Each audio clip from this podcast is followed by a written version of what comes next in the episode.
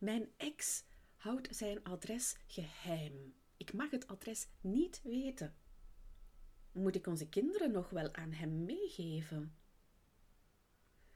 Deze titel kopte Kek Mama op Instagram week, eh, vorige week. Ja, ondertussen twee weken geleden. Een collega stuurde mij uh, de, titel, uh, de, de, de post van Kek Mama door. Collega in een heel ander uh, domein, in het domein van fertiliteit en kinderwensbegeleiding. En ik was natuurlijk benieuwd naar het verhaal achter deze titel. Dus ik klikte door naar het verhaal. En op de website las ik dan bovenaan het doel van deze rubriek. Het is een blog waarbij een ouder een verhaal deelt met een vraag. En het doel van de rubriek is: soms kom je er niet in je eentje en kun je wel wat advies gebruiken. Dus ik las het verhaal en meteen vond ik al wat ja, interessante ingangen om uh, te delen met deze ouder. Maar ik ken deze ouder ook niet. Um, er kwamen meteen wat gedachten in mij op vanuit mijn ervaring en de visie waar ik mee werk. En dan scrolde ik helemaal naar beneden, maar er stond geen advies. Dat vond ik dan wel jammer, want ik was ook benieuwd welke adviezen deze ouder zou krijgen. Ze heeft wel een advies gekregen van een juridisch adviseur, um, maar dat heeft ze niet als helpend ervaren.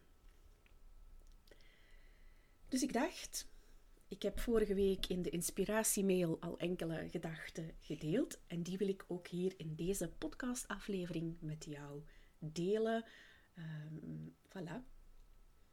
Welkom bij de Straffe Ouders na de Scheiding podcast. Ik ben Anne.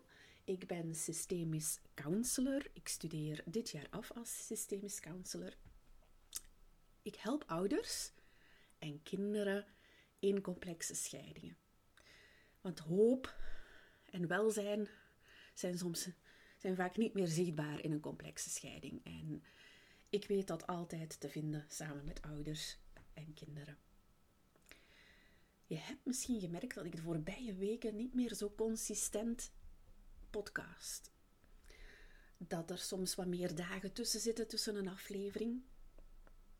Dat komt omdat ik dus ja, in mijn laatste jaar tot systemisch counselor zit. En um, ja, het tempo wordt nu wel opgedreven. wij maken ook een eindwerk. En uh, zowel ik als de medestudenten ervaren dat dat uh, alle hens aan dek is. Ja. Uh, voor wie daar benieuwd naar is, mijn eindwerk zal gaan over, ja, misschien kan je het al raden als je mij een beetje kent over het effect van groepen. Ja, groepen ouders in een complexe scheiding. Eh, mijn ervaring is dat in groep ouders veel sneller tot reflectie komen en nieuwe mogelijkheden ontdekken in groep. En ik wil dat graag onderzoeken, hoe dat, dat komt, wat daartoe bijdraagt.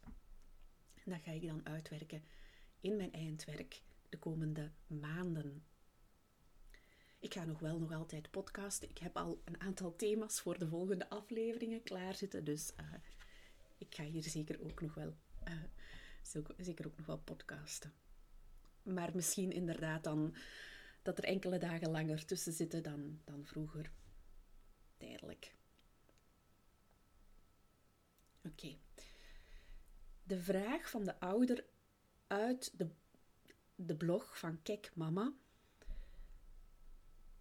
ja, ze hebben daar natuurlijk een titel aan gegeven. Dus de titel is Mijn ex houdt zijn adres geheim. Moet ik onze kinderen nog wel aan hem meegeven? Dus deze ouder verwacht dan een ja of een nee antwoord. Ja, nee. Maar mijn ervaring is dat het meestal ingewikkelder is dan een ja of een nee. Uh, en dan schrijft ze iets verder, schrijft deze ouder de vraag: wat moet ik doen? Dat is een goede vraag. Ja. Dat is al minder een ja-nee-vraag. Ja, wat moet ik doen? Nu, zo'n vragen, samen met zo'n situatie, ja, die krijg ik dagelijks, wekelijks. Uh, die krijg ik in de Glinstertribe op de gespreksplek. Daar delen ouders hun vragen. Uh, zo was er gisteren op zondag ook een vraag van een ouder die, die uh, een, een, hulpverleningstraject krijgt opgelegd van de rechtbank. En, en ze was daar bezorgd over. En ze vroeg daarin advies. En dat is dan op de gespreksplek. Maar ik doe ook twee keer in de maand een vraag- en antwoord sessie. En die zijn wat uitgebreider. Dus dan zou ik bijvoorbeeld, zoals deze ouder dat verhaal heeft uitgeschreven, het verhaal krijgen via mail en dan de vraag. En dan werk ik dat verhaal wat uit. En ik dacht, misschien is het een goed idee, omdat dit verhaal toch uh, op de website van Kekmama staat, dat ik dat met dit verhaal eens voordoe hier in de podcast. Natuurlijk niet zo uitgebreid als ik in een vraag- en antwoordsessie kan doen, want in een vraag- en antwoordsessie kunnen ouders ook, ja, daar gaan we in interactie met elkaar. Soms is de ouder niet live aanwezig op de vraag- en antwoordsessie, maar dan beluistert hij de opname de volgende dag. En dan geeft die vraag- en antwoordsessie gedachten en dan gaat die ouder dat weer delen met mij. En zo gaan we in dialoog met elkaar. Dat is iets wat ik hier niet kan doen met deze ouder. Dus dat is een beperking. Ik kan niet met deze ouder gaan spreken. Ik zou enkele vragen kunnen stellen. Zij zou daarop kunnen antwoorden en dan kan ik weer bijkomend mee zoeken.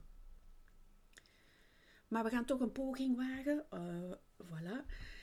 Dus deze ouder vraagt: wat moet ik doen? Ik zou dat eerder zeggen: wat kan ik doen? Ja. Ik ga niet zeggen: jij moet nu dit doen. Je moet je kinderen meegeven. ja. Of uh, oh wee als je je kinderen niet meegeeft. Of uh, nee, hou ze bij. Dat kan toch niet? Ja. Um, dus ik ga nooit ja, um, zeggen wat moet je doen. Kijk, ouders die komen naar mij, die vragen aan mij advies omdat er een probleem is met hun kind of een probleem in het gezin. Het probleem hier in het gezin is dat deze ouder niet weet waar haar kinderen verblijven in het weekend. Dus zij wil als ouder ja, haar plicht opnemen om goed voor de kinderen te zorgen en te weten waar verblijven zij. Ja, wat kan deze ouder nu in deze blog van Kijk Mama doen? Ik ga enkele gedachten delen vanuit mijn expertise en ervaring. Ik breng mogelijkheden in kaart. En dan de kracht van de samenwerking met de ouders, waar ik, die, die de kracht van de samenwerking die ouders met mij aangaan, is dat ze zelf kiezen wat doen ze. Ja, dus ze nemen zelf een keuze en dan kijken ze welk effect heeft die keuze en dan kunnen we altijd weer bijsturen. Ik ga enkele zinnen uit de blog halen die mij treffen en ik ga daar enkele gedachten bij delen. Deze ouder schrijft: Sinds de scheiding een jaar geleden. Sinds de scheiding een jaar geleden. Dus een jaar geleden zijn ze uit elkaar gegaan. Dus ik, ik zie al meteen, dit is een recente scheiding. De chaos en de overspoeling zijn reëel. Ja. Heel ellendig. En deze verwikkelingen waar deze ouder nu in zit, hè, papa deelt het adres niet van zijn nieuwe woning, die komen heel vaak voor de eerste jaren. Die komen heel vaak voor.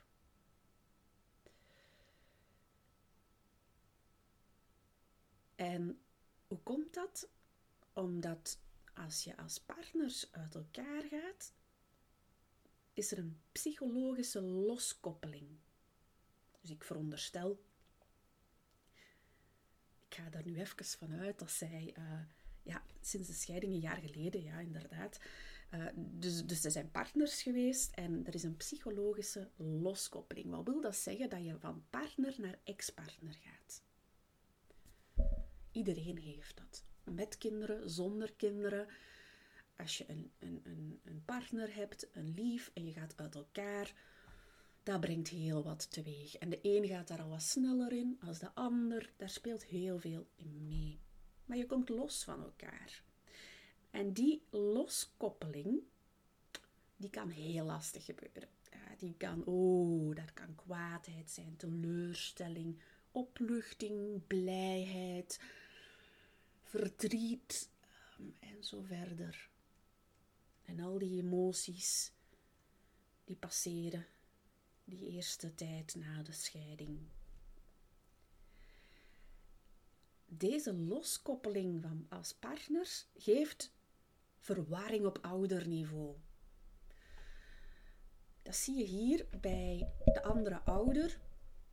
Die deelt het adres niet. Ja.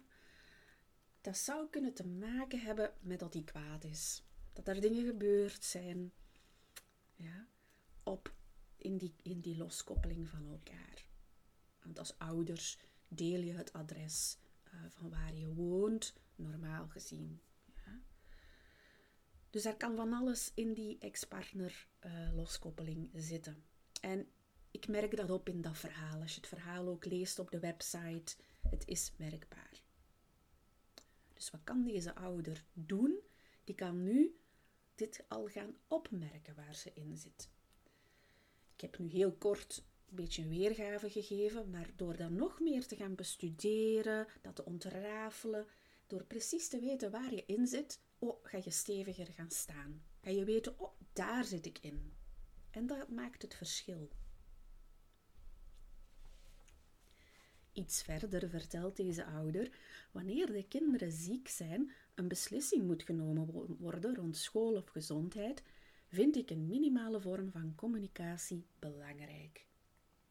Ja, samenwerken als ouders na de scheiding, dat is het ideale plaatje, daar wil je natuurlijk aan voldoen voor je kinderen.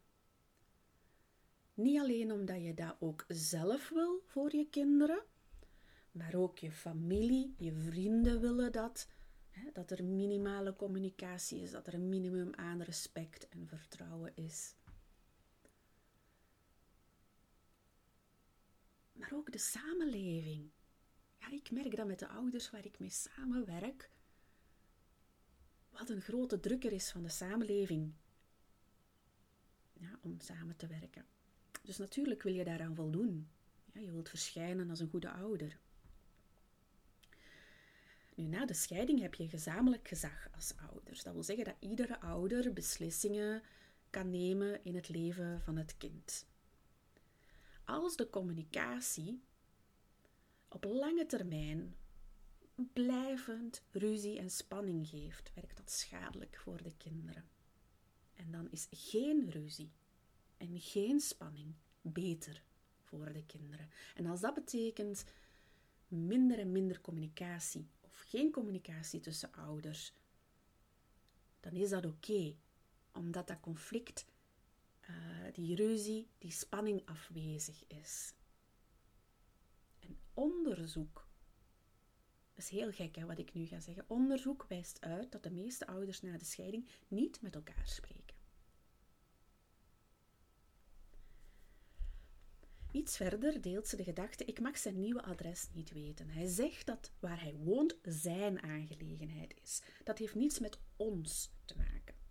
Hier zit die ex-partner-loskoppeling in de weg. Ja, ik zie dat. Hè. Het verstoort de communicatie tussen de ouders.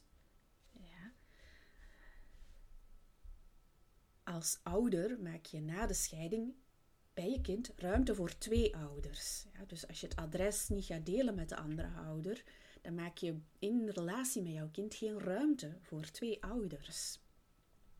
Dus het verstoort hier de communicatie. Ja? En mogelijk zit daar iets van die um, scheiding in de weg.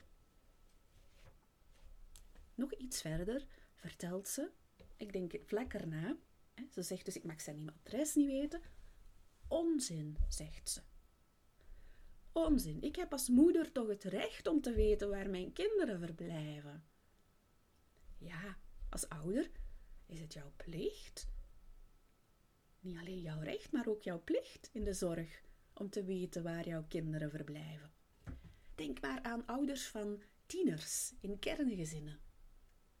Ja, als een ouder eh, van een tiener van 13 jaar ja, je komt daarbij thuis en die ouder zou zeggen, ja, mijn kind van 13 is niet thuis. En je vraagt, waar is die dan? Oh, dat weet ik niet. Ja, dan denk je toch even van, hmm, wat zou er hier mee spelen? Ja, hoe komt dat dat deze ouder dat niet weet? Ja. Dus als ouder ja, ga je ook die plicht voldoen om te weten waar jouw kinderen verblijven. Waarom? Dat heeft met zorg en veiligheid te maken. En die, bescherming die je kinderen biedt hè, tot ze 18 zijn. In een wereld met veel verleidingen. Hm, dan heb ik het over de tieners, niet over hier, over dit verhaal. Dus dat voelt deze ouder goed aan. Hè? Maar ja, kijk, recht hebben en recht krijgen, dat is nog iets anders. Maar het is haar plicht, zou ik zeggen. Het is jouw plicht om te weten waar jouw kinderen verblijven. Ze is ten einde raad, want ze heeft al heel wat gedaan om de adres te weten gekomen, maar ze krijgt dat niet te pakken. Dus is ze te raden gegaan bij een juridisch adviseur. En dat komt omdat ze schrijft: Ik heb het recht om te weten. Ja, dus dan ga je naar een juridisch adviseur om dat recht, om daar, ja, uh, om dat recht op te lossen. Volgens een juridisch adviseur zegt ze: Is het niet waar dat ik het recht heb om te weten waar mijn kinderen verblijven? Zolang mijn ex, de papa, ouderlijk gezag heeft, hoeft hij geen verantwoording af te leggen over wat hij doet met onze kinderen en waar. Ja en nee. ja en nee. Ik ben daar niet helemaal mee akkoord. Juristen die zijn opgeleid in wetgeving. Dat is hun ding. Prima. Schoenmaker, blijf bij je leest. Ik ken het fijne niet van wetgeving, maar ik houd mezelf en de ouders waar ik mee samenwerk, ik hou aan de wetgeving en de juridische kaders. Ja, die zijn er in onze, maatschappij. Daar hebben we ons aan te houden. En ik ben opgeleid in welzijn. En ik lees, dus iets later na deze zin schrijft ze. Um, dan begint haar emotie op te schieten. Hè. Um, ik, heb, ik heb het verhaal nu zelf niet meer hier liggen. Maar haar emotie begint te schieten. Ja, dus deze juridisch adviseur zegt: je hebt dat recht niet. En zij schiet vol in emotie. Ze voelt zich in een hoek geduwd, machteloos, gefrustreerd, geen uitweg, geen mogelijkheid. Herken je misschien? Mijn job is dan, ik ben opgeleid in welzijn, om daar mogelijkheden te gaan zoeken. En ik denk dat moeder niet geholpen is met het antwoord van uh, deze juridisch adviseur. Ah ja, want nu stelt ze de vraag: moet ik onze kinderen dan nog wel meegeven? Dus ze wordt boos, hè? En ze voelt zich slecht, ze voelt zich minder waardig, misschien als moeder, ze ziet geen uitwegen. En dit kan maken als haar emotie gaat schieten, omhoog schieten en ze blijft gefrustreerd en machteloos, dan kan de situatie ook gaan escaleren, zoals ze zelf aangeeft. Maar dan overtreed ik de regels. Ze wil dat niet, maar ze voelt geen uitweg. En als zij de regels gaat overtreden, wat gaat dat dan weer geven? Wat gaat er dan op gang komen? Ja, lijkt een dilemma. Hè? ongewone situaties, zoals deze, vragen om een ongewone aanpak. De volgende stap zou kunnen zijn dat ik aan haar vraag zou je het kunnen bespreken met jouw kinderen? Gezien die communicatie met vader, dat lukt niet. Je hebt al veel pogingen gedaan om de adres te weten gekomen via hem, familie. Vader is boos op jou. En als je het vraagt, geeft het ruzie, spanning. Natuurlijk wil je weten waar je kinderen verblijven. Zou je het kunnen vragen aan je kinderen? Zou je het aan hen kunnen vragen? om te vertellen waar ze met papa wonen of om het adres aan papa te vragen.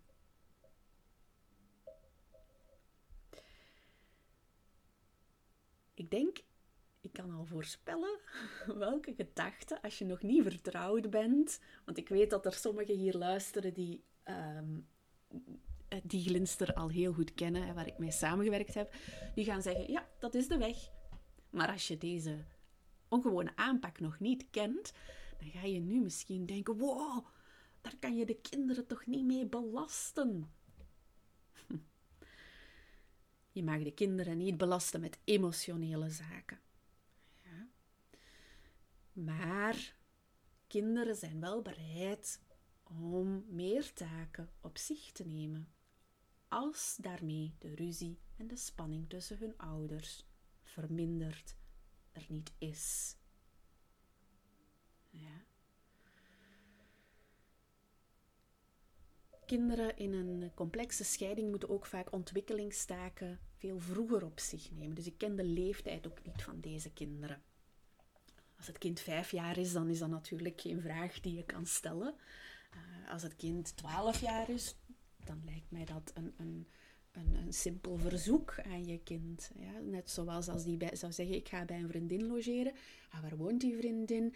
En wie zijn die ouders? En heb je daar een telefoonnummer van? Als je kindje vijf is, dan moeten we opnieuw gaan zoeken naar mogelijkheden. Ja. Dan zou ik met deze ouder ook wat werken eerst aan. Um, ja, dan zou ik eerst nog een ander spoor gaan werken als het kindje wat jonger is. Um, voilà. Ik heb mij gericht wat op kinderen van de, vanaf 5 tot 15. Uh, eh, zoiets, ja.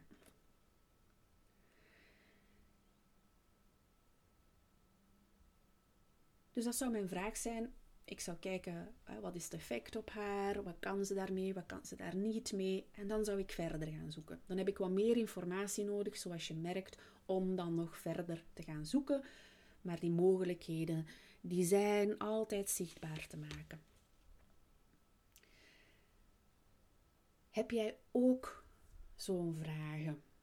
waar jij jezelf alleen in voelt, waar jij merkt, ik kom er in mijn eentje niet uit, de mensen rondom mij, ik deel dat, maar die lijken dat niet te begrijpen, die geven advies, maar ik weet het niet, ik kan er precies niks mee, ik voel mij niet geholpen of ik voel mij nog altijd gefrustreerd en machteloos, dan denk ik dat ik jou kan helpen.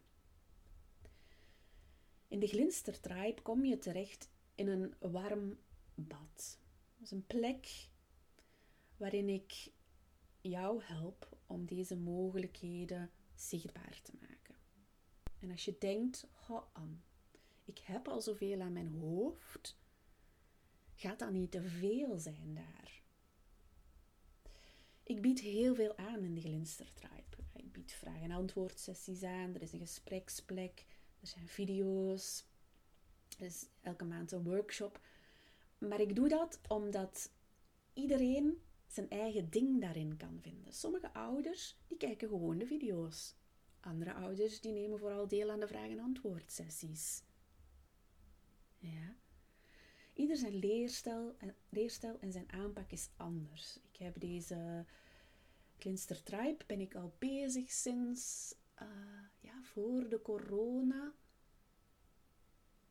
Ben ik begonnen met uh, met de video's. En dan heb ik het in de corona hervormd. Dus ja, toch van 2019, eind 2019, dat ik daarmee bezig ben. Ehm, en mijn ervaring is de ouders er zelf uithalen. En ik bied ook wegwijs. Dus het is niet dat je ergens in terecht komt en dat je het zelf moet gaan uitzoeken. Ik ga jou daar stap voor stap wegwijs in bieden zodat jij vindt, krijgt wat jij nodig hebt en antwoorden krijgt op jouw vragen. Vragen, misschien zoals deze ouder hier in de blog van Kijk Mama. Voilà, ik vond het wel heel fijn om zo te doen. Misschien dat ik uh, in de toekomst, ik heb gezien dat er op Kijk Mama nog andere blogs staan over echtscheiding. Misschien dat ik nog op andere websites ook eens wat verhalen uh, kan gaan bekijken en uh, daar gedachten over kan delen met jullie. Ik wil jou heel erg bedanken om erbij te zijn bij deze aflevering, om te luisteren. Je mag altijd van jezelf laten horen, ook op info.glinster.co. Het is fijn om te horen wie dat er luistert en welk effect dat het heeft. En dan zie, spreek ik je graag weer de volgende aflevering. Tot dan!